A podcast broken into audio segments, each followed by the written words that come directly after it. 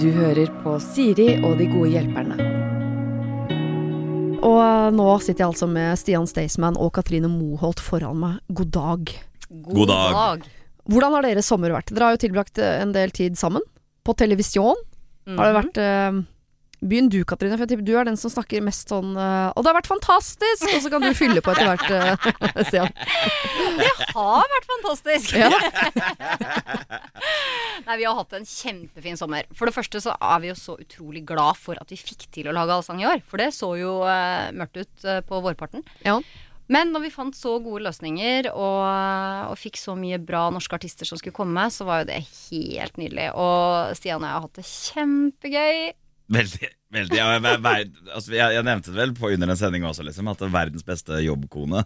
Så det Du aner ikke hvor mange mannfolk som har sendt meg meldinger og vært misunnelige på meg for at jeg har fått lov til å være i samme kohort som Katrine i sommer. Det er ikke den verste kohorten å være det. Nei, det er overhodet ikke. Men du har jo nesten vært Du er jo ikke fra Halden, men du er fra nedi der, hvis det er lov å si, eh, Stian? Ja, det er fra Fredrikstad, vet du. Ja. Ja. Så jeg har bodd i Halden i mange år, da. Ja. I tillegg. Ja. Så for meg så var det veldig på hjemmebane. Ja. Så det var jo sykt trivelig med det ble, si, det ble noen trivelige kvelder etter sending og før sending også. Ja. Jo, Men du det har jo Siste Reis og de der klassiske utestedene som er i Halden eh, sentrum, som man må på en måte frekventere når man først bor der. ja. Er du med på det da, Katrine, eller drar du hjem til familien? Da drar jeg hjem til familien. Ja. Har ikke hatt en eneste liten sånn Tequila-kveld med Stian på Har lokal det, pub? altså, det, men nei, og det var jo litt også fordi at vi fikk ikke lov til å gjøre så mye av det. Fordi at eh, det var som det var. Litt sånn strenge smittegreier og sånn. Så da var det greit å bare ta det litt med ro denne sommeren her. Men det skal sies, jeg har vært på siste reis, jeg òg, altså. Og når eh, koronaen roer seg, så blir jeg å se på siste reis eh, neste sommer. Ja.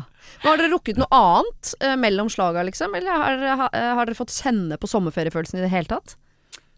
Ja, jeg har vært eh, noen turer i Kristiansand. Fordi dattera mi eh, spiller jo klatremus i Hakkebakkeskogen eh, i Dyreparken. Ja. Og med Sofia på seks år, lillesøster, ikke sant, så er jo det, det er obligatorisk for oss om sommeren å, å reise ned og se på klatremus. Så det er kjempekoselig. Så vi har hatt eh, noen eh, deilige sommerdager i Kristiansand i tillegg. Det har vært veldig fint. Ja, Ja, jeg, jeg har ikke Jeg har ikke hatt så mye ferie, tror jeg. Nei. Nei, tenker etter. Nei. Det, var veldig viktig for meg, da. At det her er jo første sesongen min også, ikke sant, av uh, Allsang på, på grensen, som uh, liksom en fast eh, programleder. Og så har vært eh, jeg har brukt veldig mye tid på å forberede meg. Og så, det er litt sånn som jeg syns er kult å jobbe med Katrine, for det gjør jo Katrine også. Og derfor så får vi Det er så deilig å kunne være forberedt liksom såpass god tid i forveien at man bare kan kose seg når man kommer på sett. Ja. Og så er det så mange artister og sånn som kommer, da som man, kjenner og har et forhold til fra før. Så det er så deilig bare å gå rundt og være Gå rundt og snakke skit med dem som er der, og kose seg veldig. på en måte Så det er litt sånn For meg så har jo det vært veldig, veldig veldig viktig i år. Og så kan jeg kanskje, hvis jeg forhåpentligvis da jeg hadde fått flere sesonger med Katrine, så kanskje jeg kan uh, senke skuldrene litt. Men det har vært veldig viktig for meg å bare gjøre det her 100% Ja, og det har du virkelig gjort òg. Altså, du er så proff, og du jobber så hardt, og det er så gøy. Vi har jo snakka sammen hver eneste dag i sånn ca. en time om dagen. Har vi vel snakka sammen? og, og vi har forberedt oss, og, og det er akkurat som Stian sier, for når vi da kommer ned og er på opptak, så kan vi kose oss, for vi veit akkurat hva vi skal gjøre. Og vi kan improvisere fordi vi kan det vi skal gjøre godt. Og, Nei, det har vært, vært så gøy. Vi har, vi har ledd så mye, og vi har synget så mye. Ja. Og nei, vi har kosa oss glugg, altså. Det har vi Ja. virkelig gjort. Åssen er det med sangstemmen din, Katrine? Er du en er du oppe og nikker på en terningkast fem der? Hvordan- Jo. Nei, ja. ja, Hun er veldig flink. Hun er, altså, det, hun er eh, veldig flink til å synge. Ja. Du liker oss, ja. Men jeg, jeg tenker som så at jeg er en allsanger. Jeg, altså jeg er så fan av at man skal synge med den stemmen man har, Mm. og at det er innmari sunt å synge. Og, og derfor så slår jeg et, sang for all eh, jeg slår et slag for allsangen, fordi at det, det å synge sammen, det er jo det som er gøy. Mm. Så jeg er ikke en sånn derre kom og hør hvor fin jeg, fint jeg synger-artist, men jeg synger fordi det er gøy, og jeg syns det er gøy å synge med andre. Ja. Så, så det Ja, vi Ja, har en liten duett på slutten uh, Ja, til, så, i programmet som kommer på torsdag. Ja. Og det var, eh, det var kjempegøy. ja det blir Da var jeg veldig, veldig på Stian sin hjemmebane, og det, ja. det ga mersmak, for å si det sånn. Liten duett fra dere to. Ja, det er en eh, deilig tis. Dere høres nesten nyforelska ut. Eh, Ja, ja. litt i hverandre òg, for å være helt ærlig. Uh, det tror jeg ikke dere er, men vi holder stemningen oppe, for vi skal til et problem som handler om nettopp nyforelskelse. Og nyforelskelse er jo ikke noe problem, uh, men det er når den forsvinner at det blir vanskelig. Her står det. Hei, Siri og de gode hjelperne. Jeg og kjæresten min har vært sammen i litt over tre år. Forholdet vårt har hatt lite problemer og vært ganske bra. Problemet er at jeg føler at det har blitt kjedelig. Jeg har vært nyforelsket i en lang periode, men nå har det dabbet av. Og jeg lurer på om dere har noen tips til å piffe opp forholdet og ting vi kan gjøre. Jeg har tatt dette opp med han og sagt hva jeg føler, men han svarer da 'jeg syns vi har det bra, jeg'. Så problemet er jo da bare mitt. Jeg er 20, han er 22. Hilsen Josefine. Hva gjør man når nyforelskelsen er over? Nei, Er ikke det en klassisk problemstilling? Ja? Jo, jo. Ja, at hverdagen kommer Men for de som opplever det for første gang, så virker det som uh, Ja. verden raser sammen. ja. Men, Ja. men jeg er jo Jeg tenker jo Hvis hun er 20, så har hun vært sammen med han siden hun var 17. Mm. Og så er det den typiske treårskrisa, hvor da den nyforelskelsen er jo borte. Mm. Og hvis det allerede er kjedelig nå, etter tre år, hvordan er det da etter fem år og sju år? Og hvis det blir de to, så får de barn etter 15 år. Så da tenker jeg kanskje at Nå er jeg ganske beinhard, altså. Men jeg tenker at har du vært Det er så typisk.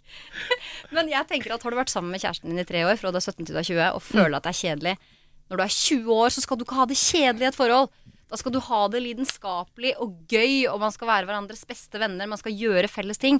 Og hvis det ikke er sånn etter tre år, når du er 20, så tenker jeg kanskje man skal fortsette videre som venner og si takk for nå, og heller finne en som livet er litt mer spennende med. Savage. Savage. Ja, men kan det- ikke, men kan ikke jeg, jeg hadde sagt til Callen, og så bare sjekka åssen han reagerte på det. Nå stikker jeg en måned til Ayanapa Ja. med vennene mine. Mm. Og så kan vi kjenne på det å savne hverandre litt. Og så kan jeg komme hjem igjen, og så kan vi fortsette da. Og så kan du stikke en måned til Vegas med gutta dine.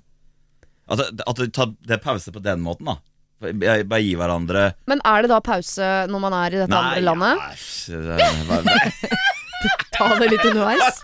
ja, men, men, ja, men jeg, jeg er enig med det Katrine sier. At uh, hun er 20 år, skal ut og leve. Han, han er 22 år, men han, kanskje han har slått seg til ro på et vis. Og det er jo noen som er sånn. Som, som tenker at uh, ja ja, sånn er livet.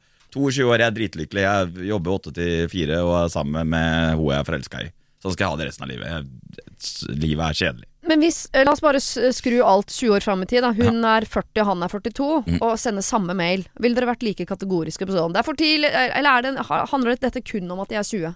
Fordi etter tre år sammen, så er det vel eh, Helt ærlig, folkens, det er ingen som er nyforelska etter tre år. Nei, men jeg tenker når du er 20 år, så skal du fortsatt ha det gøy med kjæresten din.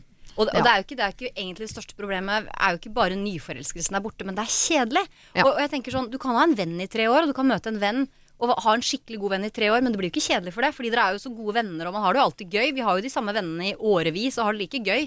Ja. Så jeg, jeg tenker at det skal ikke være kjedelig. Jeg tenker at hvis du Og så, så syns jeg at det, det er litt for trist når vi har fått dette ene livet, hvis vi skal slå oss til ro med at liksom ja ja, det er kanskje sånn det skal være, da. Er, det syns jeg er så trist.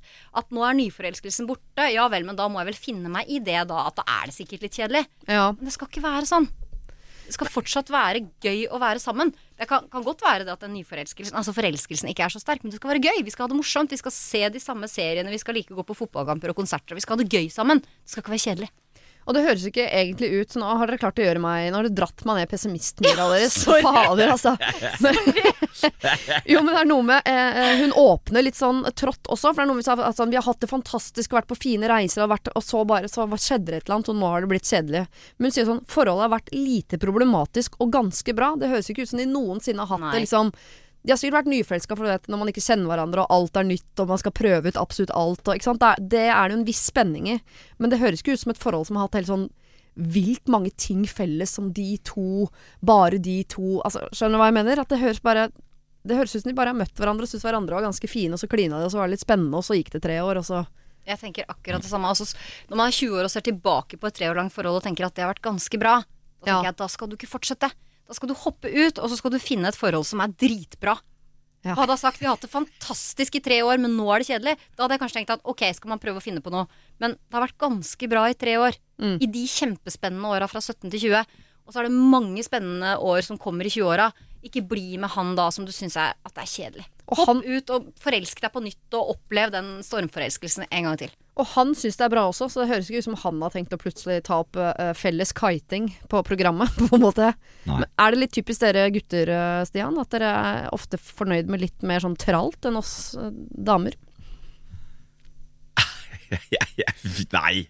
Ikke? Nei, kanskje. Jeg syns ofte dere gutter er sånn Nei, jeg syns vi har det fint, jeg. Ja, Ok. vi, vi er kanskje litt mer sånn laidback på det der Og så og så sliter vi med å plukke opp signaler.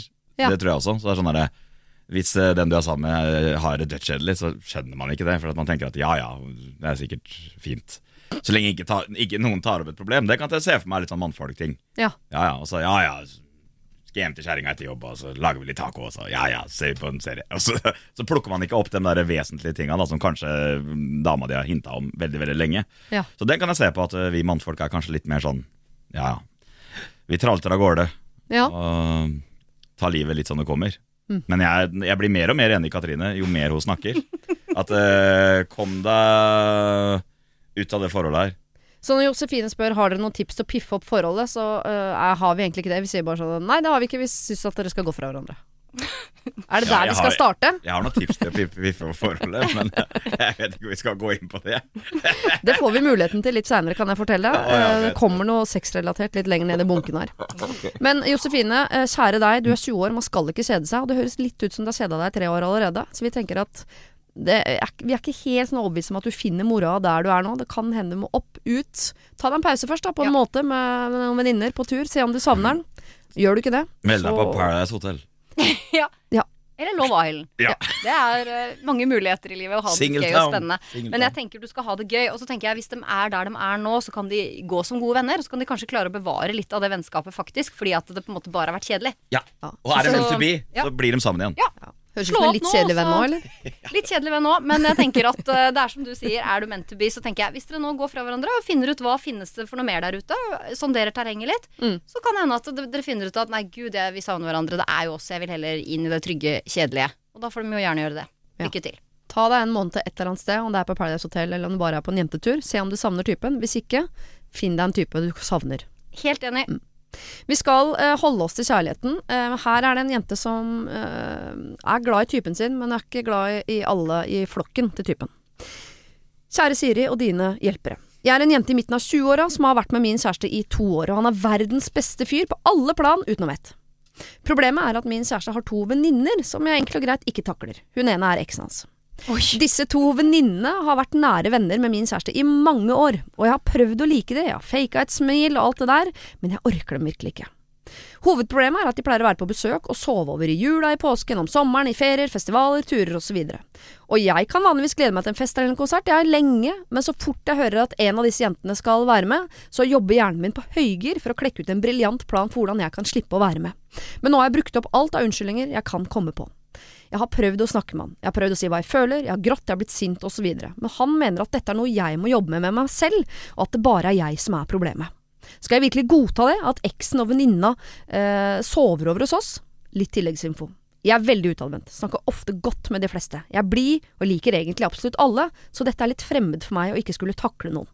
Skal jeg true meg gjennom uh, dette med et påklistra smil, selv om jeg er ukomfortabel uh, og helst bare vil bli en struts og gråte før og etter? Eller skal jeg gi kjæresten et ultimatum om at han enten må velge å ha med seg venninnene sine og da denne eksen på arrangementer og konserter, eller meg? Så får han bestemme, da, selv, hvem som er viktigst, og som han ønsker å dele disse opplevelsene med. Please hjelp meg, så ikke jeg blir en bitch. Klem, en jente, klem ei jente som er utslitt av denne problemstillinga. Altså, hun ønsker ikke å bli egentlig en sånn jente som stiller ultimatumer, men hun, hun liker ikke to venninner som til stadighet overnatter. Hva gjør man da? Er det hun som er problemet, Stian? Mm, nei. Jeg, jeg syns ikke det. Jeg, jeg syns jo det er rart, hele greia. Er ikke det rart? Det er veldig rart. Ja, altså, du, du, eh, ja, ja, det, altså jeg, jeg, jeg, jeg hadde ikke brydd meg sånn nevneverdigvis, men jeg hadde syntes det vært rart. Liksom Hvis eksen til eh, kona og en, kompis av han var hjemme hos meg hele tida. Veldig fryktelig rar setting. Ja. Ja. Men er det det at det er en eks, eller hadde det vært sånn selv om det bare var to kompiser? Ja, det, egentlig så hadde jeg det hadde vært rart hvis du hadde hatt to kompiser hjemme og med på tur. Altså, jeg, jeg vet ikke, Det hadde vært kanskje gitt mer mening, da. Men det derre X-elementet i tillegg jeg, Ja, Ja. Ja, jeg altså- prøver å sette meg inn i det, men jeg sliter med å klare det, på en måte. Ja, jeg, jeg, jeg er jo litt sånn eh, all or nothing, så jeg mener jo at hun skal sette det ultimatumet og si at dette gidder jeg ikke mer. For hun skal jo ikke gå rundt og ha det sånn. Og det er jo helt, det er jo ikke veldig vanlig at man har så nært forhold til eksen sin når man er inne i et nytt forhold. Det er jo ingen som syns at det er sånn spesielt artig. Og i hvert fall når hun føler det sånn, så er det bare å si hva hun føler, og si at dette gidder jeg ikke lenger. Og hvis ikke han respekterer det, så er det ikke noe å samle på. Jeg elsker at du er så savage. Kategorisk på Det er, veldig, så det er veldig bra. Du skulle jo jobba med det her. Du, du skal være sånn parterapeut eh, eller noe sånt noe. Men effektiv parterapeut. Ja, sånn, det er maks én time, og de fleste får beskjed om å gå fra hverandre. Ja. Bill veldig billig også. Og egentlig, jeg heier veldig på kjærligheten, men jeg tenker at man skal være snill mot hverandre. Og sånn som hun forteller at hun har det, da er jo ikke han snill mot henne, syns jeg. Men hvis det er sånn Fordi jeg, har de samme følelsene, men jeg prøver å, øh, å flytte inn i en verden hvor man kan være venner selv om øh, På kryss av om det er ekser og kjønn og alle de tingene. Jeg prøver og, og jeg har lyst til at verden skal være sånn. Fordi eh, han ser jo antageligvis på disse to venninnene som to venner. Om det er jenter eller ekser eller hva det er. De er venner, de har vært venner i mange år. Han tenker ikke på det eksegreiene lenger. Så for, inni hans hode så kan det godt hende at han, han skjønner ikke hennes problem med dette, fordi i hans hode så er det ikke et problem. Han har bare to venner på besøk, og de er tilfeldigvis jenter. Og det hadde jo vært fint hvis vi kunne komme dit at, at man ikke reagerer på det. Ja, men det er, så lenge hun har de følelsene, så må han respektere det, tenker jeg. Så lenge det er deres felles bosted. Og så tenker jeg også, Det kunne jo også vært at han hadde to skikkelig vanskelige kompiser, som var veldig gode kompiser av han, men som hun sleit skikkelig med. Ja. Da tenker jeg at da får man finne andre arenaer, finne en løsning. Jeg mener ikke at han ikke skal være venn med de lenger, for det tenker jeg, det er vennene hans, og det er greit. Men de behøver ikke å ligge over i jula, og de behøver ikke å ligge over i påsken. Og de trenger ikke å ta alle konserter og, og festivaler sammen med dem. Da må Nei. man finne en løsning og tenke at ok, vi, drar på, vi to drar på denne konserten. Da skal ikke de være med. Og så kan, så kan du reise på en festival med dem i sommer. Da gidder ikke jeg bli med. Og de skal ikke sove i vårt hjem. Det fikser jeg ikke. Så det er den sovinga som er Nå pirker jeg på dere her, for jeg, jeg, eh, det er ikke at jeg ikke skjønner hva dere mener, men det er sovinga som er problemet. Og hvorfor er det et problem at de sover over? Er det fordi vi tror at idet han er i samme hus som de på natta, så kommer de til å ligge med hverandre? Nei, nei. Det handler om hennes følelser. Hun, Ja. hun syns dette er så leit. Hun, hun er er egentlig blid og utadvendt og glad, men er en struts og har lyst til å gjemme seg i sanda og bare gråte. Da skal hun ikke ha det sånn hjemme i sitt eget hus. Nei. Og da får han finne en annen arena å treffe, treffe de jentene på, tenker jeg.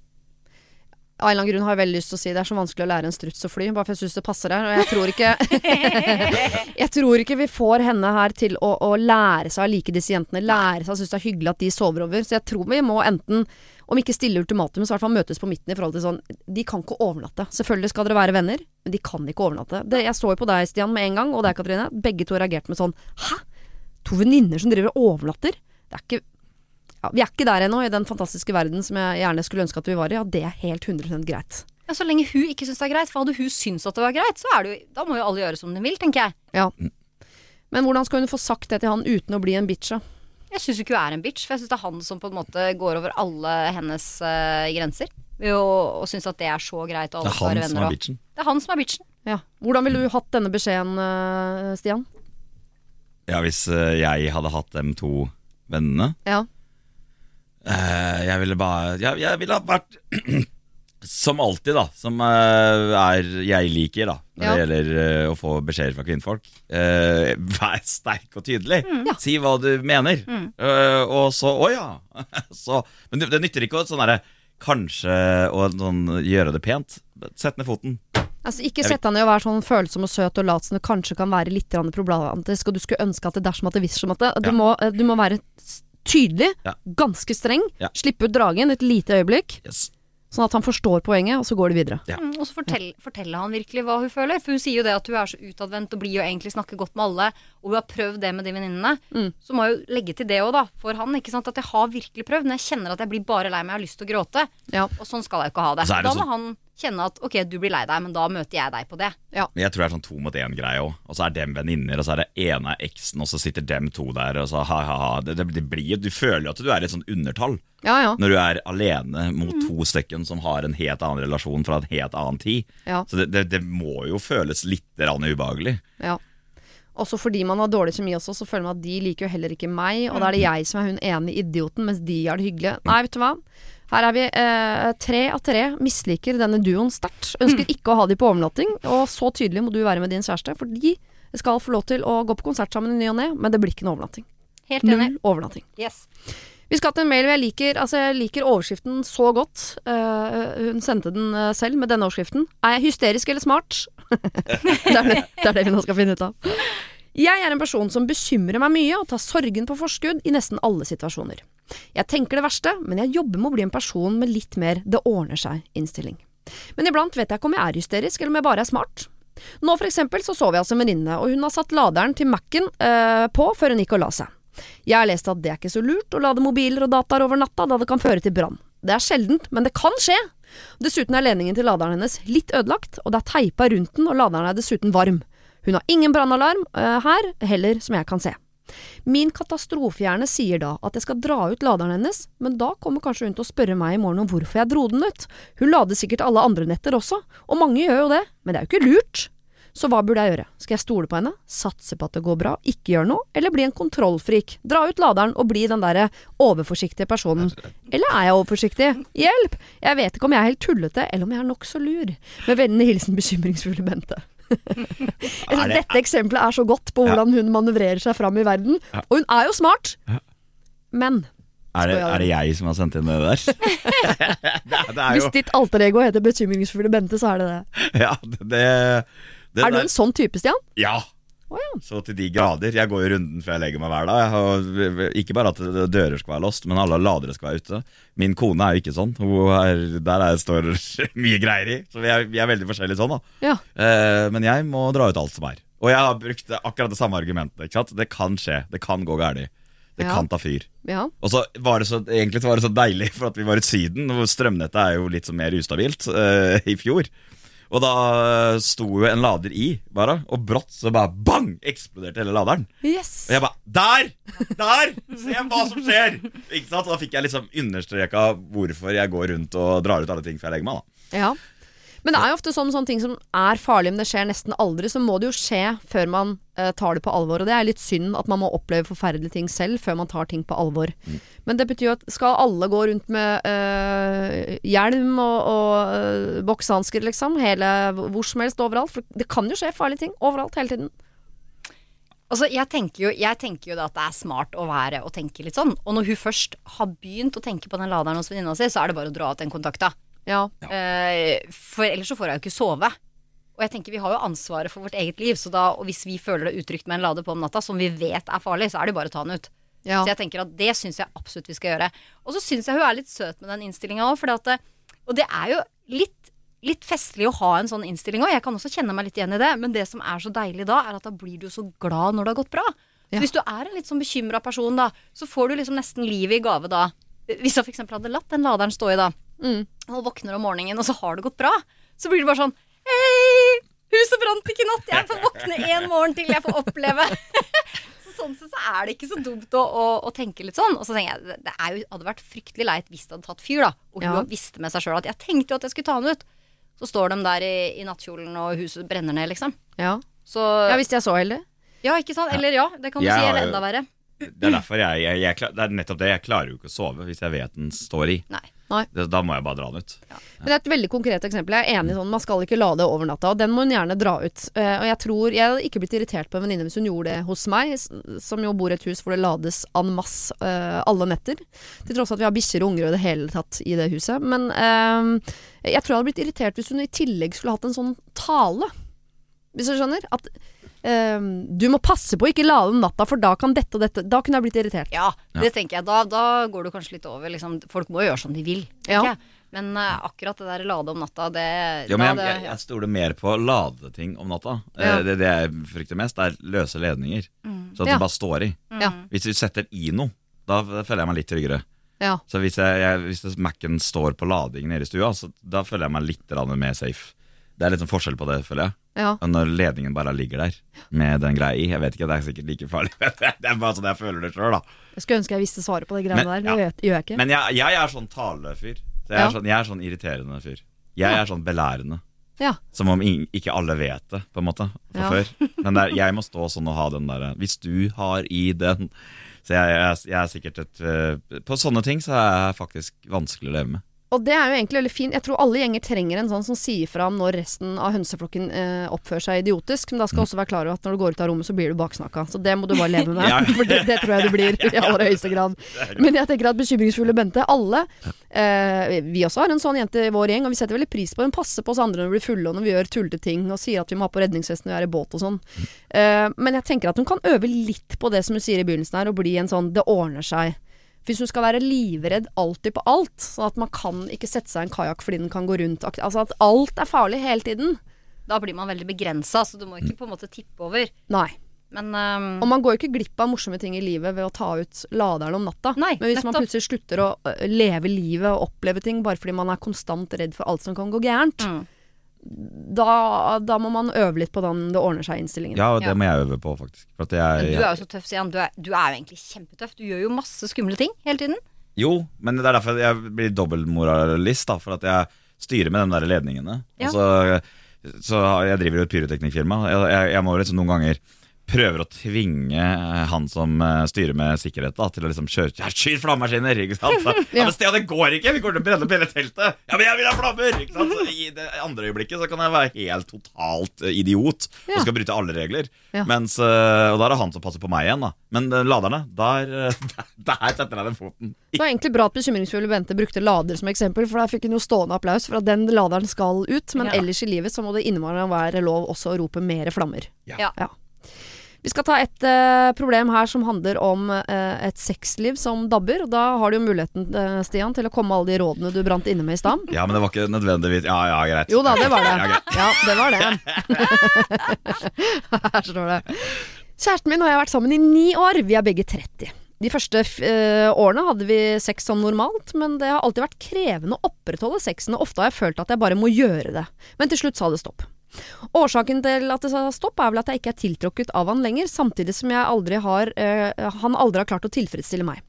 Sexen ble til slutt bare til for å tilfredsstille han. Nå har vi sjelden sex, kanskje en gang i halvåret.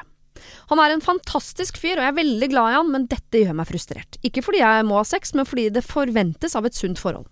Vi har pratet om dette mange ganger, og han ønsker at vi skal overvinne dette. Men jeg tror ikke vi kommer til å klare det, da jeg ikke er tiltrukket av han på den måten lenger. Siste praten vi hadde ble vi enige om at vi bare må gjøre det, men jeg eh, har i utgangspunktet ikke lyst, og sexen blir bare utsatt. Jeg ser ikke for meg at det ville bli noe godt, jeg tror bare det vil bli kleint og rart. Jeg har venninner som prater mye om god sex, og da blir jeg lei meg for at vi ikke har det sånn. Jeg må nevne at jeg har vært i et forhold tidligere også, som varte i elleve måneder.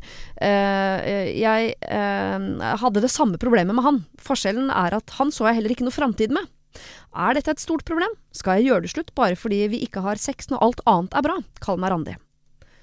Altså, de har det veldig, veldig bra. Sexen fungerer ikke. Skal man da øh, ja, fortsette å være sammen og tenke at det der sexgreiene er vel ikke så viktig? Jeg tror øh, at øh, du må Altså, du har vært sammen i ni år. Du er glad i mennesket. Så selvfølgelig sex og sånn er lim i forholdet videre, da. Men jeg, jeg tror hvis man, hvis man går inn i den der at man tenker for mye på det Mm. hele tida, så går man inn i en sånn der teit spiral i hodet sitt. Bare tenke heller at du må eh, fokusere på eh, andre Fokusere på andre ting da eh, i livet. Alt som er bra, hele forbanna tida. Mm. Og, så, og så må man prøve selvfølgelig å finne ut noe med hvordan man skal løse den der sexkrisa si. Ja. Men at man, hvis, man, hvis man bare tenker på det at å herregud, vi har dårlig sex, eller vi har aldri sex, og vi kommer aldri noen vei, så tror jeg da bare stagnerer man. Jeg, jeg tror fint eh, at hvis man, hvis man Det er ikke de største kodene man må knekke for å få det brått til å funke igjen. Og for å få det til å bli spennende igjen. Og det handler jo om kommunikasjon. da Så hvis hun sier ifra at eh, jeg sliter skikkelig med det her, jeg er dritglad i deg, vi må finne på et eller annet. Ikke sant? Om det er eh, swingersklubb, eller om det er eh, kjøpe noe leketøy oppå kondomeriet, eller hva nå enn du finner på. Vi må gjøre noe med akkurat det. Ja. Og så ikke bare gå og tenke på det. Og det, det handler jo bare om å snakke sammen, tenker jeg da.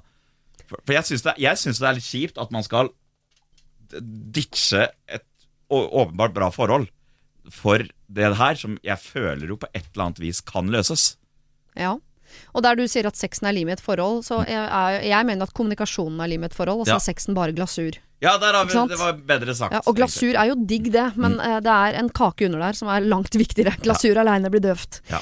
Men, eh, Men man jeg, må snakke med kælen sin, da.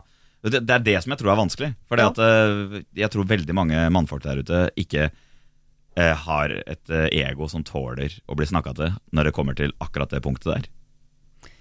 Ja, du mener at dialogen om nettopp det med at sexen er dårlig, hun blir ikke tilfredsstilt, hun gruer seg, hun tenner ikke på han lenger, har Ja. egentlig aldri lyst øh, den, Lysten er helt borte, den, den kommunikasjonen må opp og gå.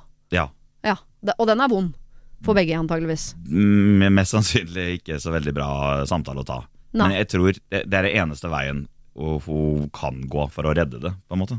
Er du enig Katrine, at noe av løsningen her kan være at de går ut og kjøper masse gøy leketøy og, og husker og duppedingser og, og utkledningstøy og sånn? Kan det være veien å gå? Nei, jeg, eh, jeg syns ikke det. Nei. Eh, Jeg tenker at hvis du er 30 år og du egentlig aldri har tent på partneren din Skal du be de gå fra hverandre nå? Ja, det, er, det, er, det er. Det er ja, men, men vet du hva, helt seriøst. Ja. Eh, kanskje skal de leve sammen til de er 85, liksom. Ja. Du, men eh, hun skriver ikke noe om om de har barn, eller? Nei, hun skriver ikke noe om det. for det er klart, har du barn, så kanskje, kanskje kan det ha gjort at forholdet har ikke sant, Det at man blir sliten og sånn, kanskje det hadde vært en del av bildet, men det høres kanskje ikke sånn ut. Men jeg mener at ni år er jo ikke så fryktelig lenge heller. Det vil si at de har vært sammen siden de var 21, og hun egentlig aldri har tent på han. Hun har også vært i et annet forhold tidligere hvor hun heller ikke tente på fyren sin. Mm. Så tenker jeg åh, gå ut og finn en fyr som du tenner på. For jeg tenker at Jeg er helt enig, kommunikasjon er essensielt i et forhold. Men hvis du skal ha et forhold, så er også sex utrolig viktig. Og hvis det ikke funker, så tenker jeg liksom at da er det vel ikke liv laga. Ellers så kan man jo være venner, da. Hva er forskjellen på å ha en partner du eh, skal bo sammen med, hvis ikke det at, det at man har fantastisk sex sammen er litt av greia? Så kan man Ja. heller bare, bare krangle og kanskje ha dårlige perioder, men sexen funker. Så tenker jeg det er liksom Men Tror ikke brått hun vil oppleve altså Hun har vært sammen med en annen fyr også, som hun ikke fikk sexen til å funke med. Så det, det kan jo hende at uh, noe av også problemet ligger uh, psykisk for henne, hennes del også. At, at hun vil, hvis, hun, hvis hun prøver å tenke at gresset er grønnere på andre sida, da, så møter hun en ny fyr. Altså, og Var ikke det så fantastisk heller, ikke sant? For det er jo nå engang sånn at uh, du Ja, hvis du møter Det er jo litt lotto, tenker jeg da, når du går rundt, og spesielt som kvinne, da, hvem du finner av mannfolk, og hvordan de funker. Så jeg, jeg jeg er så redd for at du skal sette seg inn i en sånn der spiral hvor liksom blir aldri eh, glad. da Og hvis hun har det der grunnelementet at hun er glad i fyren, det ligger i bånn. Så jeg liksom da setter seg ned og snakker med kælen sin, og på en måte Ja, jeg er bare så redd for at det, Jeg føler at ofte så tenker folk at gresset er grønnere på andre sida, og så blir de bare skuffa, skuffa, skuffa, skuffa. Og så sitter du der som 85 år, og så er du crazy cat lady, og så har du aldri funnet deg den mannen som skulle ta deg med storm. For det kan jo hende at, eh, at Randi rett og slett har et problem som For det første kan det hende at Randi ikke en, har en enorm uh, appetitt på sex. Det er det jo uh, mange som ikke har.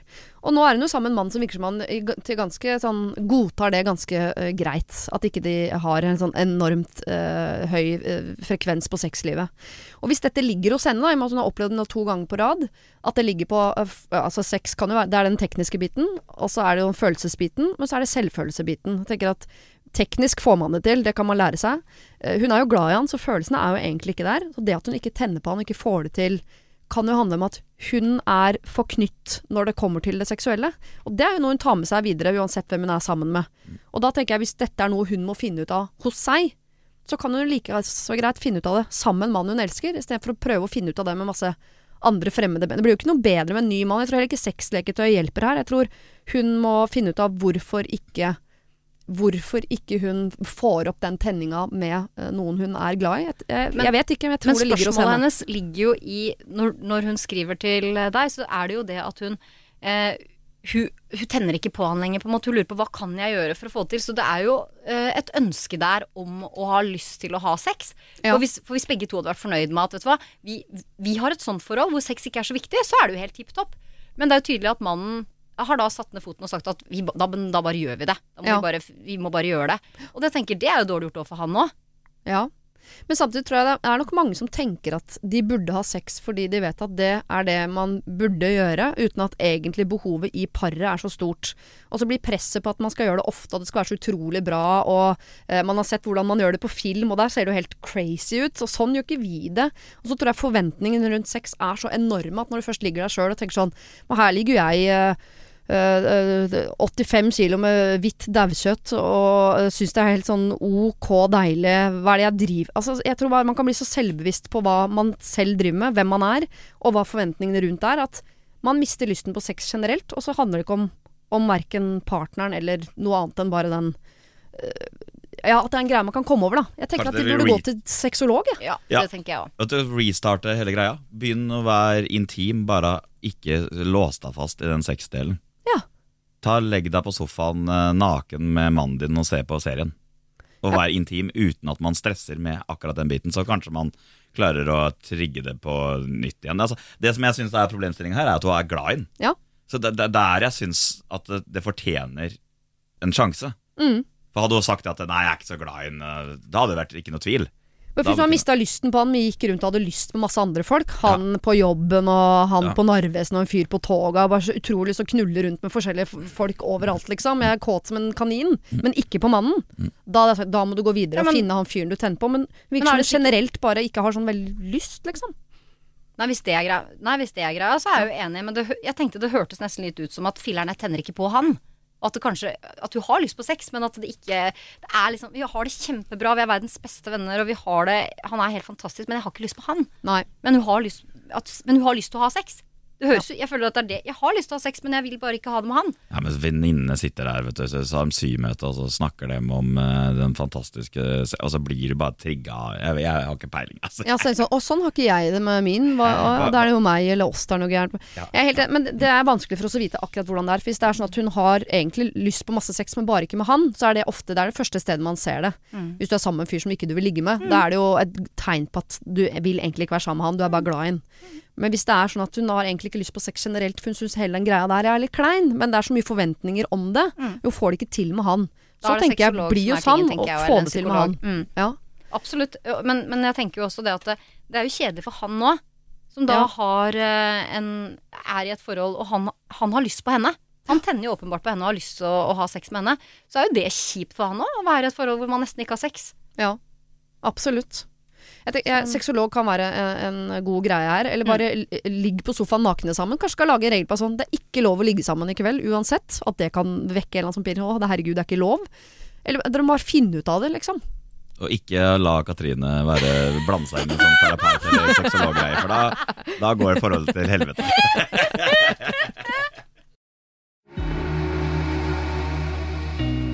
Har du problemer selv, send dem inn til siri at radionorge.no.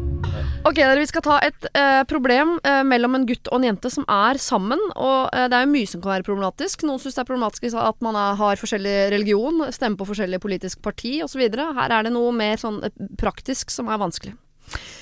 Kjære Siri og de gode hjelperne. Jeg har vært sammen med min kjæreste i ca. to år, og er usikker på vårt forhold. Vi har vært i et avstandsforhold mesteparten av tiden, men bor nå sammen. Problemet handler om at kjæresten min sover mange timer generelt, og har en helt annen døgnrytme enn meg. Han legger seg ofte veldig seint, og står opp rundt to-tre på dagen. Selv er jeg et A-menneske, og det irriterer meg veldig.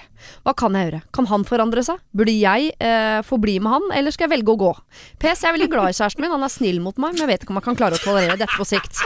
Finn gjerne på navn. Jeg vet jo hva du, Katrine, har tenkt å si her. Så la oss bare bli ferdig med ditt råd. Nei. Her, hvis de har bra sex, så får det bli. Nei da, altså Nei. Her må man jo bare finne en mellomløsning. Hvis, de, hvis det er bare den sovinga, så tenker jeg det kan jo løses. Ja, men kan du skjønne at det er irriterende? Ja, er du gæren? Men han må jo slutte å sove er klokka to hver med? dag. Ja. Hva er det han driver med? Jarna, jobber han? Det kommer ikke fram noe av det? Nei, står ikke noe om. Det kan jo hende han er i samme bransje som deg. Ja, da er jo det Nei, Ja, men det er vel- en løsning. Han trenger ikke å ligge til klokka to. Det er sånn som vi sier til ungene våre òg. Hallo, nå er klokka elleve, da står vi opp. Ja. Ja. Men da eh, møtes på midten, rett og slett. Ja. For det, kan, det blir jo mange timer aleine. Jeg tenker Ja, at hun kjenner på den der avstandsforhold-følelsen. At hun har den fortsatt, selv om de bor sammen. Mm. det er jo fryktelig Det er jo litt sånn der vanskelig problemstilling. eh, Fordi jeg, jeg personlig er jo et utprega B-menneske. Det var jo litt sånn det, Jeg pleier å si det på fleip, da at hvis det var noe jeg skulle drive med, så måtte det være det her. For at jeg er oppe, jeg, det jeg er god på, er å sove lenge om morgenen, eh, være oppe lenge på natta og Ja. drikke øl. Så da var det bare musiker jeg kunne bli, på en måte. For å, men øh, øh, ja, for, det, for det, jeg øh, elsker de timene på natta når alle har lagt seg, Mm. og jeg kan bare ha tre timer der sånn helt for meg selv. Ja. Bare se på reprise, se på Sopranos nok en gang, liksom.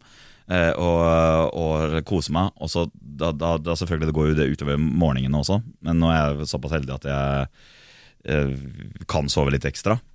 Fordi min kone starter på jobb mye tidligere enn meg, Ja. og da tar eh, kids i barnehage og sånne ting. Ja. Så jeg er litt bortskjemt kanskje der. men ja, det er som Katrine sier, jeg jeg føler at det er mellomting her. Altså, sovet i to-tre, men det er en uting eh, uansett. For det, hvis, nå vet jeg ikke om man er imellom jobber, eller om man ikke jobber, eller om man jobber med det samme jeg gjør.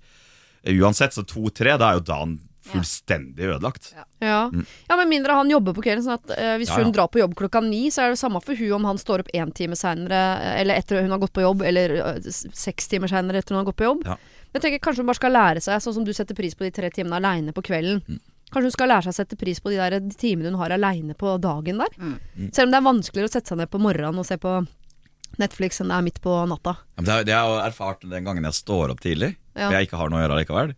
Så er det så mye gøy på TV. Det er jo eh, Ellen uh, Degeners, eh, hvis vi tar det på den måten. da Ja. Hun er på TV, vet du. Ja. Ja, Det er masse sånne kule sånne der pawnshop-greier. Og eh, Det er jo helt rått å stå opp med. Å, eh, hva heter han? Dr. Phil? Dr. Phil, ja. Det er jo helt sjef. Så det kan jo være tips til han. At Ja. du går, hvis, du, hvis du bare står opp tidligere, tar deg en kaffe, så kan du sette deg og se på TV isteden. Og så kan du se på alle de der sinnssykt underholdende programmene som du ikke trodde var underholdende. Men tror du ikke det eh, Grunnen til at hun eh, blir så irritert her, er at istedenfor at hun står opp og nettopp ser på Ellen-show eller gjør ting, eller går ut i dagen og gjør de tingene hun elsker å gjøre, så, så sitter hun og venter. Ja. Og da blir de timene fryktelig lange. Mm. Hun må jo ikke gjøre det. Hun må, hun må snakke med en. Her igjen så må man kommunisere og si at dette syns ikke jeg noe om. Og så må vi finne en mellomløsning. Ja. For, det er jo også veldig irriterende med hvis du er B-menneske sjøl, med de A-menneskene som da Det er nesten så du gruer deg til å overnatte sammen med A-mennesker fordi du vet at du sjøl syns det er kjempedeilig å ligge til ni eller ti, og så er den andre spretter opp klokka sju-halv åtte, og da ligger du og tenker at nei, nå må jeg stå på. Men synes jeg også, som, jeg kan også uh, snakke på vegne av uh, B-menneskeforeningen, for jeg er jo uh, hardt planta inn der. Ja. At jeg er litt lei av at A-mennesker ser på som liksom, at det er de som eh, gjør det riktige, og så er det oss B-mennesker det er noe gærent med. Så det er de det som sover lenge som gjør noe gærent, mens det er de liksom friske og raske og sunne og, og morgenen. korrekte, bra menneskene. De er A-mennesker, og så er det oss røkla som bare ligger og drar oss til langt utpå dagen. Det mener jeg det er litt lei av. ja. Ja, jeg, Ja, ja, så jeg tenker også det at de må finne en løsning. For at det er jo en grunn til at vi er kategorisert i A og B. ja. Eh, og, og det er veldig behagelig. Både jeg og mannen min er B-mennesker, og det er kjempedeilig. Når vi da har muligheten til å kunne sove lenge. Det er jo altså det er lykke for meg, det er vi som har små barn og greier. Ikke sant? Ja, ja. De morgenene som du faktisk kan sove til og for, for oss som er småbarnsforeldre, til ni-ti, liksom. Da er du bare sånn derre Oi, og for, for meg som da er B-menneske, hvis jeg hadde sovet til klokka ni en morgen, jeg er jo full av energi. ja. For jeg, for jeg får jo ikke den energien når jeg står opp klokka sju. Ja, det, det fungerer ikke ordentlig før klokka er ni da. Nei. Jeg går liksom sånn der, litt sånn i det er ikke da, jeg, da har ikke jeg liksom vaska huset til klokka er eh, ni, liksom. Da går du med den kaffekoppen og du surrer rundt og får liksom ikke gjort noe. Ikke før brukt de kroppen timene er i til gang. fornuftig Nei, allikevel. jeg syns ikke det. Men når du først bringer inn barn, for jeg skjønner at dette nå kan virke som et sånn dette problemet, og bare finne ut av møtes på midten eller ta dere sammen, liksom.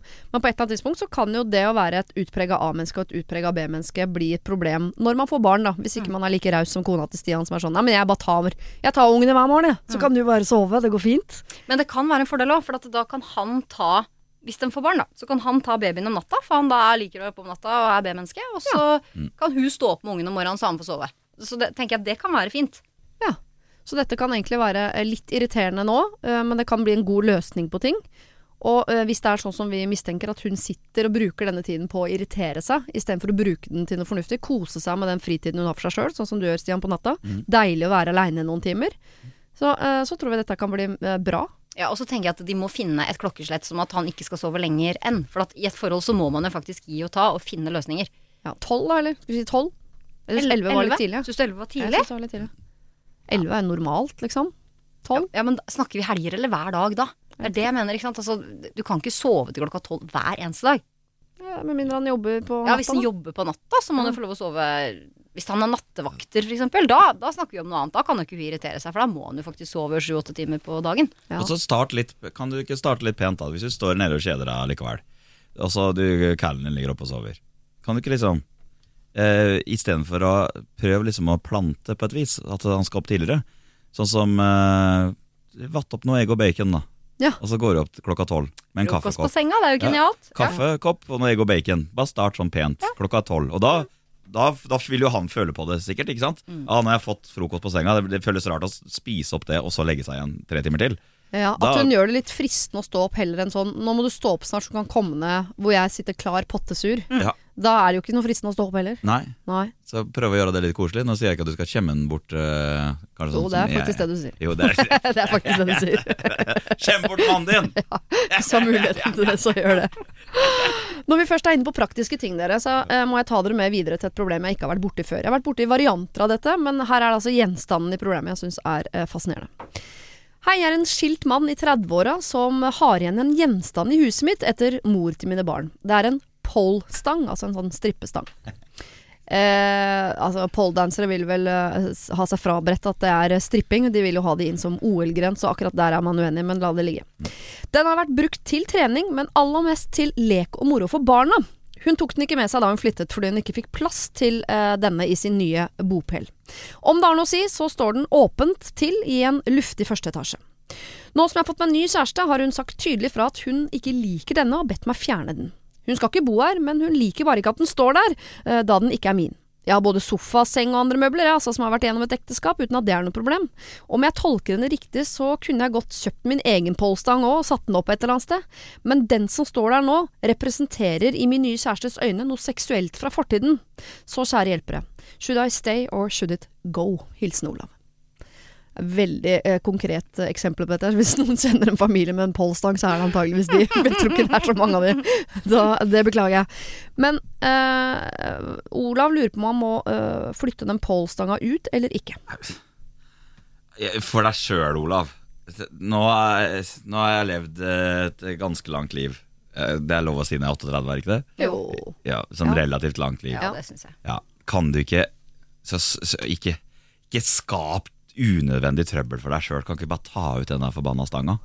Jeg, jeg, jeg, hvorfor? Altså, hvis det er et problem for eh, kona di, så ta nå ut den stanga. Sånn tenker jeg da. For, du skap hvorfor skal du ha den der?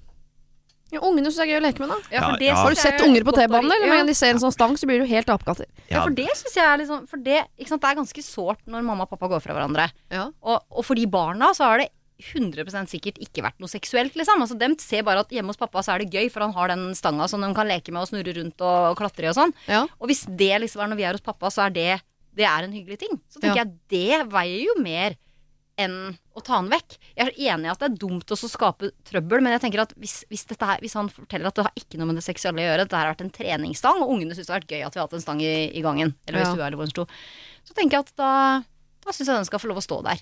Ja. At ikke hun skal komme inn i det med å bestemme hva som skal ut. Ja, jeg, det må i så fall stoppe der. For det kan jo være sånn, Jeg er enig, ikke bare lag trøbbel ut av ting som ikke trenger å være et problem. Men hvis det er liksom første, og så kommer det flere og flere sånn krav på ting som bare må gjøres for at hun skal Da kan det hende at han har starta liksom, eh, starta en trend som han ikke klarer å stoppe. Men og så tenker jeg det at det er Altså jeg tenker ungene kommer først på det, og hvis det er en morsom ting, så er det tenker jeg det veier kjempetungt. Det er den stanga som vi pleier å leke i, det, det er en del av barndommen. Og at det er trist at pappa fjerner den. ja. Ja. Nå har du fjerna mamma og pappa, så skal du fjerne den morsomme stanga også. Ja. Da blir han jo et monster. Ja. Men jeg skjønner, kan dere skjønne at eh, hun ser på det som noe seksuelt, selv om det er barna? For la oss si at ekskona er ekstremt eh, deilig å se på, da.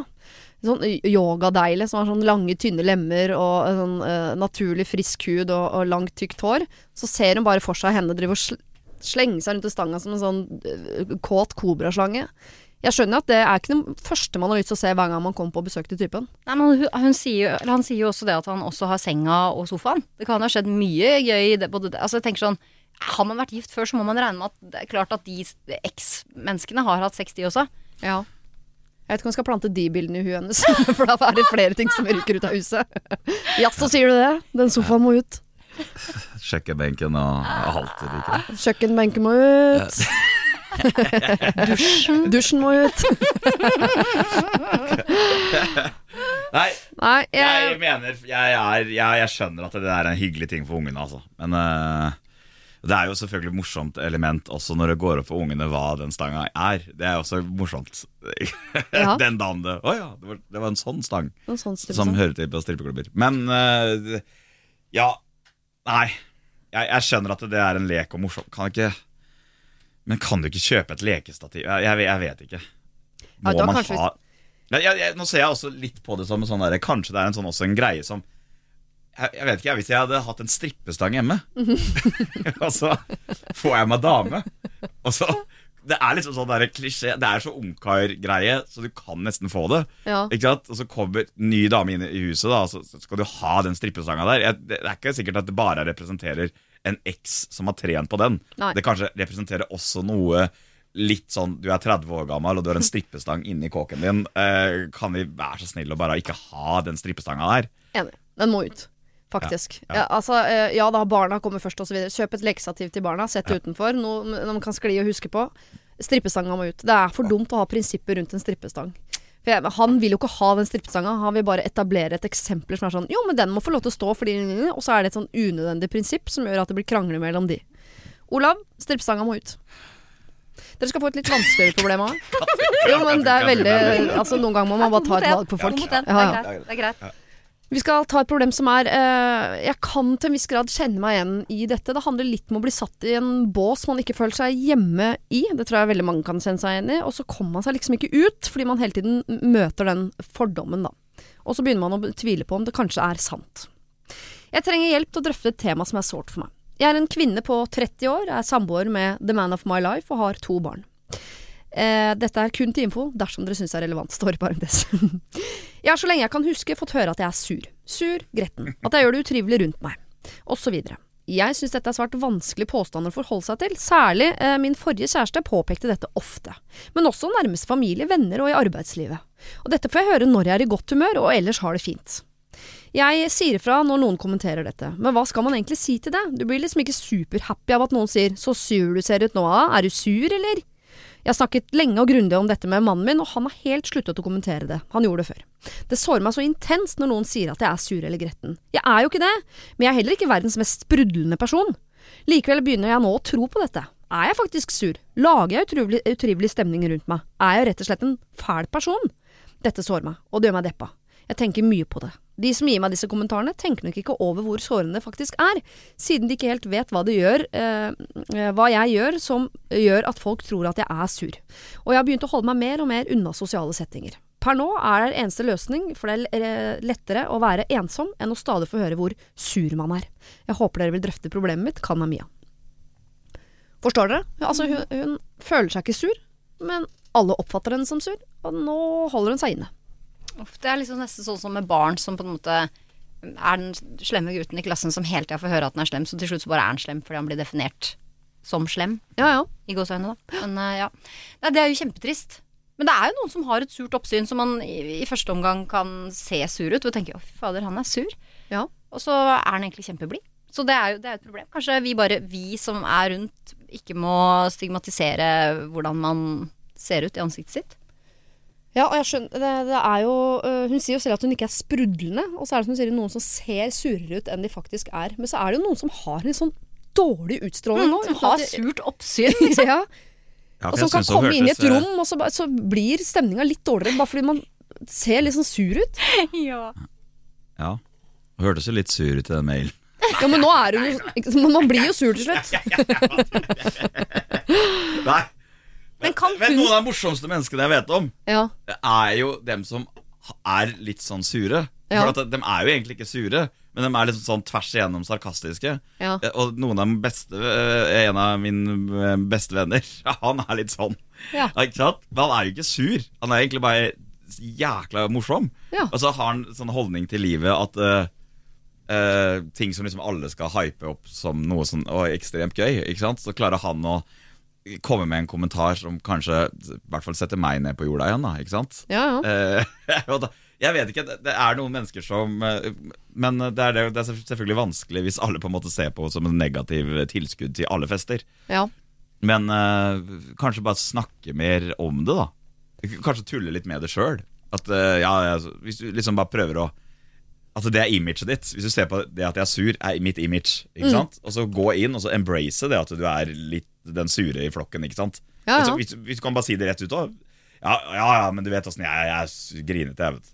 Ikke sant? Og så kanskje bare starte med det, og fleipe litt med det sjøl. ja. Og For ha det- litt selvironi på de greiene der. Ja, for jeg tror hvis du fort begynner med selvironi, eh, så tror jeg folk ikke ser på deg som sur lenger. Nei. Så i hvert fall, hvert fall, hvert fall Hvis du vet at alle ser på deg som den sure, så kan du jo like godt embrace det og tulle litt med det. Men samtidig så tenker jeg at hun syns jo virkelig dette er et problem. Altså det er jo liksom Hun syns jo ikke det er noe gøy at de sier det, og selv om du på en måte tuller med det, så, så har dette tydeligvis vært et problem lenge.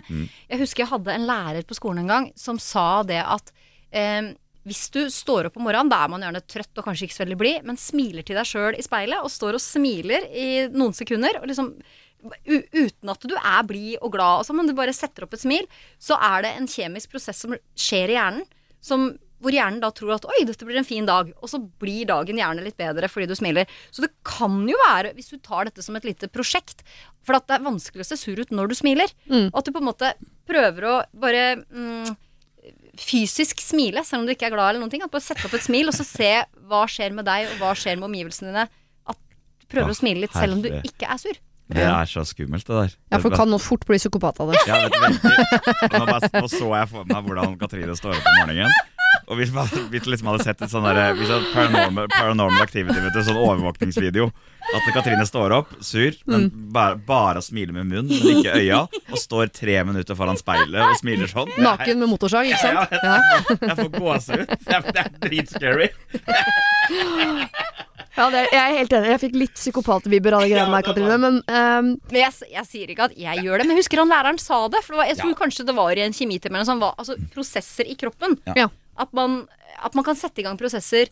Eh, det samme var også eh, hvis du skulle sette i gang forbrenninga, så kunne du spise en sjokolade på morgenen, for da tror kroppen at nå, oi, nå må jeg sette opp forbrenninga, for her blir det mye søtt i dag. Altså det er liksom sånne type prosesser, da.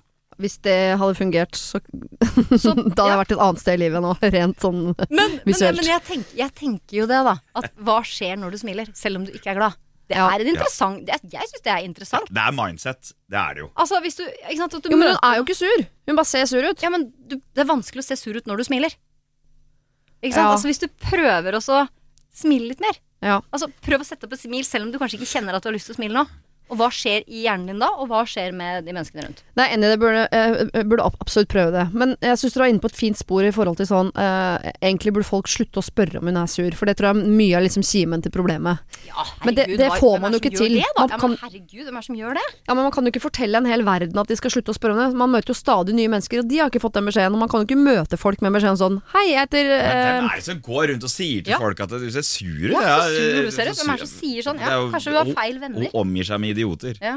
Leste en, så jeg en bok om dette. Ja, det er en bok, faktisk. Jo, men er det Jeg bare lurer på om det er noe, fordi hun får ikke forandret verden. Eh, og det er litt vanskelig å forandre seg selv også, men kan hun forandre måten hun mottar det spørsmålet på? For hvis du hele tiden får spørsmål Hvorfor er du så sur? da? Er du sur, eller hvorfor er du så sur? da?» Og så blir man jo sur av spørsmålet. Hvis man kan øve på å svare sprudlende akkurat på det spørsmålet Man trenger ikke å gå rundt og sprudle og, og sprudle i speilet og de greiene der, men når du får spørsmål, si sånn Jeg sur? Nei, ikke i det hele tatt. Jeg? Sur? ja. Nei, ikke i det hele tatt! Høres ikke utrolig sprudlende hyggelig ut. Det syns jeg er mer psykopat. Ja, det- hvis det- jeg... Jeg kjente det. Jeg kjente det. Jeg kjente det. Det, det, det, Men det er som du sier, hun får jo ikke endra verden. Så det er derfor jeg tenker at eh, For, for hvorfor ser man sur ut? Det er vel fordi man ikke smiler, da. Ikke sant? Hvis, hvis Ja, du ja. har et ansikt som Jeg er glad inni meg, men jeg bare, jeg, jeg bare har ikke det uttrykket som ser ut som jeg er glad, liksom. Mm. Og hvis du da prøver å sette opp et smil, selv om hun kanskje ikke kjenner inni seg at hun har lyst til å smile, det er da verdt et forsøk, er det ikke det? jo. Jo. Herregud. Men så er hun inne på et spor også, for hun har jo fått mannen sin til å slutte å spørre. Og der regner jeg med at hun er på et sted hvor hun har det bra, og de har det bra sammen, og han oppfatter ikke henne som sur, osv. Så, videre. så det er jo på en måte den jobben Hun får ikke gjort det med verden, men hun kan jo si fra til venner, for eksempel. For det har sikkert festa seg som sånn greie sånn 'Å ja, hun der, hun er så sur', og så blir det en, en greie med å feste ved henne, og si fra en gang fra sånn 'Vet du hva, jeg, jeg syns det er vanskelig at dere påpeker det Mm. ved meg hele tiden. Jeg er faktisk ikke sur, Mm. men det er vanskelig å ikke bli det når dere eh, nærmest ber meg om å være det. Så det Mm. må dere slutte med. Ja, det tenker jeg er viktig. Altså Hvis noen sier 'jøss, er du sur'? Altså, liksom, jøss, hvorfor sier du det? Jeg er absolutt ikke sur, men jeg blir jo lei meg når du syns jeg ser sur ut. Ja, altså, det kan man si. Ja. For eksempel. Ja. Det var bedre enn den eh, latterkula jeg dro på med. Jeg er helt enig. Mye, mye bedre. Ja. Jeg, bare, jeg kjenner sånn på dette problemet, fordi jeg, jeg har blitt kalt mye sur opp igjennom. Og så husker jeg plutselig uh, kom inn i uh, vennegjengen til en typen til en venninne av meg, hvor de syntes at jeg var så innmari blid. Aldri kost meg så mye med en gruppe mennesker i hele mitt liv som med den gjengen der. Fordi deres førsteinntrykk av meg var at jeg var blid. Tro meg, jeg var blid sammen med de alltid. Mm. Mens i andre sammenhenger da, hvor folk kan tendens til å spørre er du sur, alltid sur. Så det er jo litt og det er akkurat samme barn, ikke sant? Ja. Hvis du hele Nei, du oppfører deg aldri Altså, oppfører du deg sånn Hvis du hele tida sier det til barnet så tror jo barnet ditt får jo følelsen da av at ja, er sur eller oppfører seg dårlig eller Du gjør alt det der. Ah, du, du må alltid søle deg. Hvis de får høre det mange nok ganger, så, så begynner de bare å gjøre det og leve etter det. Ja. Så derfor så Nei, vi må være mye rausere med hverandre. Vi må ikke si til hverandre at vi er sure. Nei. Nei. Eh, Vi kan jo bare si det generelt til alle som hører på. Slutt å spørre om folk er eh, sure. Ja. Da blir man sur. Ja. Og til uh, Mia, prøv å møte det spørsmålet på en annen måte. Og sett deg ned og ta den samtalen du har tatt med kjæresten din med de andre som betyr noe. Folk på gata får du ikke gjort noe med. Men med vennene dine, f.eks. Familien din. Der går det an å ta den samtalen at jeg er ikke sur, men jeg blir lei meg når dere spør om jeg er sur. Det tror jeg, Da har vi forandra det lite grann, i hvert fall, til hennes fordel. Eller kjøp en T-skjorte hvor det står 'jeg er ikke sur'. Ja. og gå med den. Ja. Vi skal ta et siste problem her. Uh, Girl Code heter problemet, uh, og hun skriver Kjære Siri og de gode hjelperne. For tre år siden ble det slutt mellom meg og min kjæreste. Kall han gjerne Romeo. Det er ingen følelser mellom meg og Romeo i dag, men vi omgås fremdeles jevnlig da vi er i samme vennegjeng. Her til problemet. Venninnegjengen min består av rundt ti jenter som har holdt sammen siden barneskolen, og i det siste har en av disse ti, kall henne gjerne Eva, prøvd seg på Romeo gjentatte ganger på fest. Det startet med at jeg fikk høre at de hadde klina på en fest, og etter det ble jeg såret. Men jeg tilga Eva og tenkte eller sa til henne at det går greit, man kan gjøre dumme ting i fylla. Denne oppførselen har gjentatt seg flere ganger, og sist vi møttes hele gjengen, satt hun på fanget til Romeo og viste tydelig interesse uh, for han foran alle. Det endte med at jeg forlot festen, og dette er nå en stund siden. Etter det har jeg ikke hørt noe fra Eva. Jeg synes ikke eh, det er sårt at det er akkurat han, men jeg forventer likevel mer av en venninne. I og med at jeg ikke har hørt noe fra henne i ettertid, står jeg litt i beit. Burde jeg kontakte henne? Jeg er så redd for at det skal gå utover dynamikken i vennegjengen vår, og vil ikke ødelegge det vennskapet vi har, hvor vi er sammen alle sammen. Jeg er livredd for at venninnene mine må velge side, da dette ikke er noe jeg ønsker å utsette dem for. Hvordan håndterer jeg denne situasjonen? Tilleggsinfo. Vi er alle i midten av 20-åra, bor i samme område. Ut fra oppførselen hun har vist, så mistenker jeg at det har skjedd mer enn bare klining mellom dem. Jeg vet at hun ved flere anledninger også har kontaktet han og ringt han i fylla. Håper på gode råd! Kall meg gjerne Julie. Hun påstår at hun ikke har noe følelser, Julie, for Romeo lenger, men det plager henne at Eva åpenbart har det. Det er jo litt sånn, litt sånn uskreven regel at man ikke skal ta kjærestene til eh, Altså ta ekskjæresten til eh, venninna si. Ja. Det, det er det jo også. Det er jo litt dumt av Eva. Men hvis de er i midten av 20-åra, og dem har forelska seg, da Ja. hmm. Ja, for jeg hadde jo håpet at mine venninner ikke la seg etter mine ekser, hadde jeg håpet. Men jeg hadde også håpet at mine venninner hadde unnet meg, hvis jeg Mhm. blei skikkelig forelska i Ja. en fyr, unnet meg selvfølgelig Ja. skal dere to få lov til å bli sammen hvis det er, hvis det er bra. Men det er det, da. Er, driver hun og legger seg etter Romeo bare fordi han er deilig og har lyst til å, å smake litt på han, eller er det kjærlighet? Mm. Det er vel en vesentlig forskjell. Hvis de er forelska, så syns jeg de skal få eh, klapp på skuldra ja, da, av Julie. Og bare kjør på. Ja, jeg tenker Ja. også det. For det, for det, Det funka ikke mellom oss to, men Nei. eh, det kan funke mellom dere. Og så hadde det vært litt annerledes òg hvis de liksom hadde vært 35 og hadde to barn, og liksom det var et ekteskap hvor de liksom måtte forholde seg til hverandre. Hvis du er i midten av 20-åra, det har vært et forhold, ekskjæreste, Mm. og så møter du en ny Det kan jo faktisk skje. Man Ja, er ung, og man ja, hopper litt fra blomst til blomst, liksom. Ja. Så kanskje Julie må være rausere. Men jeg syns absolutt at hun bør snakke med Eva. Ja, egentlig er det vel Eva som burde snakke med Julie, men det har hun da tydeligvis Ja, ja. ikke gjort. Nei, og da At man liksom tar en samtale på er det, Driver du bare og flørter med den, liksom, eller har du følelser for den? Ja. ja, for kan man forvente, kan man forvente liksom å, å være med i den loopen? Fordi det er jo sånn typisk man sier når man går fra hverandre sånn eh, Lov meg at du forteller meg hvis du får deg en ny kjæreste, da. Da vil jeg gjerne vite det først. Mm. Og det er det jo eh, noen som holder, andre som ikke gjør. Kommer litt an på tid og sted og sånn. Mm. Men skal hun ta For hun kan ikke snakke med Romeo, Hun denne kan Julie. jo det. Du kan jo absolutt det. Ja. Hvis, hvis de har et ålreit forhold. Men det er klart, Ja, jeg er hadde- det slutt, så er det slutt. Ja, det er litt det. Du, du har gjort det slutt. Så Ja. da, er det, da setter du deg sjøl i den settingen at det faktisk kan skje. Men hvorfor ikke snakke med hvis du, hvis du føler at det er et Det jeg hadde gjort, hadde, hadde jeg vært Julie, jeg hadde spurt Romeo jeg, eh, om eh, Jeg ser du og Eva flørter, ja. og jeg vil bare vite at det, er det seriøse greier dere driver på med. Er du forelska? Ja. Ikke sant? Så jeg bare kan For da, da setter man jo på en måte lista der. Eh, og hvis han sier da nei, nei, det bare vi roter litt, så, så kanskje det, hun kan også bruke det overfor venninna si. At eh, kan dere kanskje ikke gjøre det midt oppi ansiktet mitt?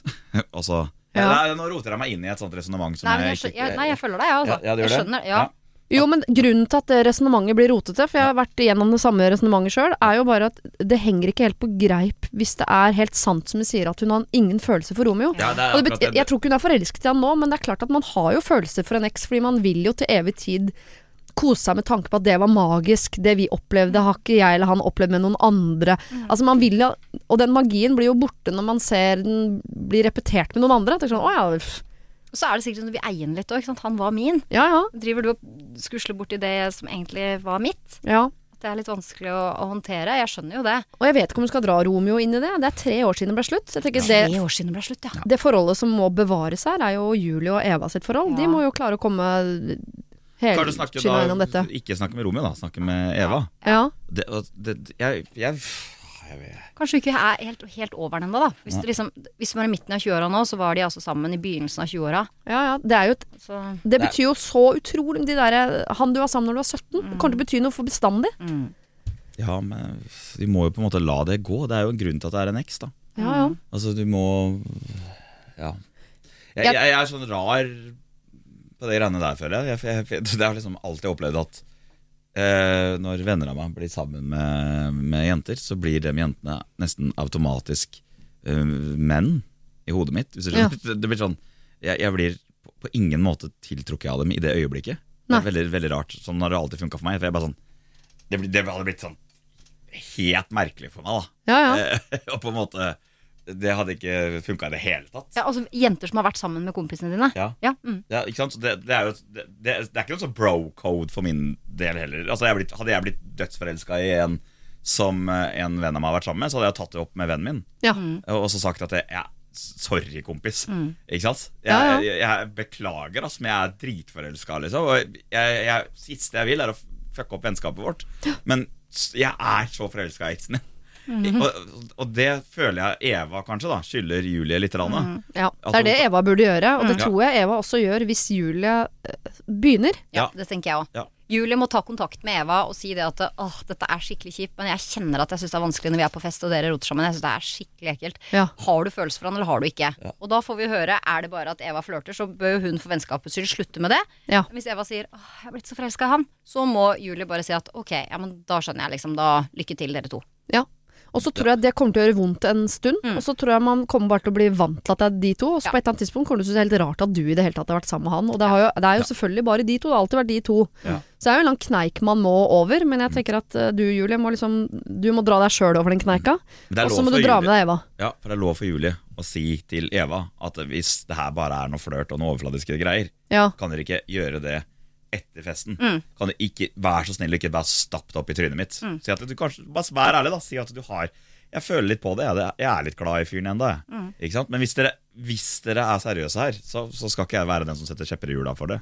Ja, og så ville jeg vært ganske tydelig på sånn Jeg har ikke følelser for han nå, men det ligger jo fortsatt noen følelser rundt det som var. Så jeg bare jeg, har- eh, Det er litt grann sånn hellig for meg. Mm. Så hvis det ikke betyr noen ting for deg, for deg, så ikke piss på det når jeg ser på, liksom. På en eller annen måte. Nei.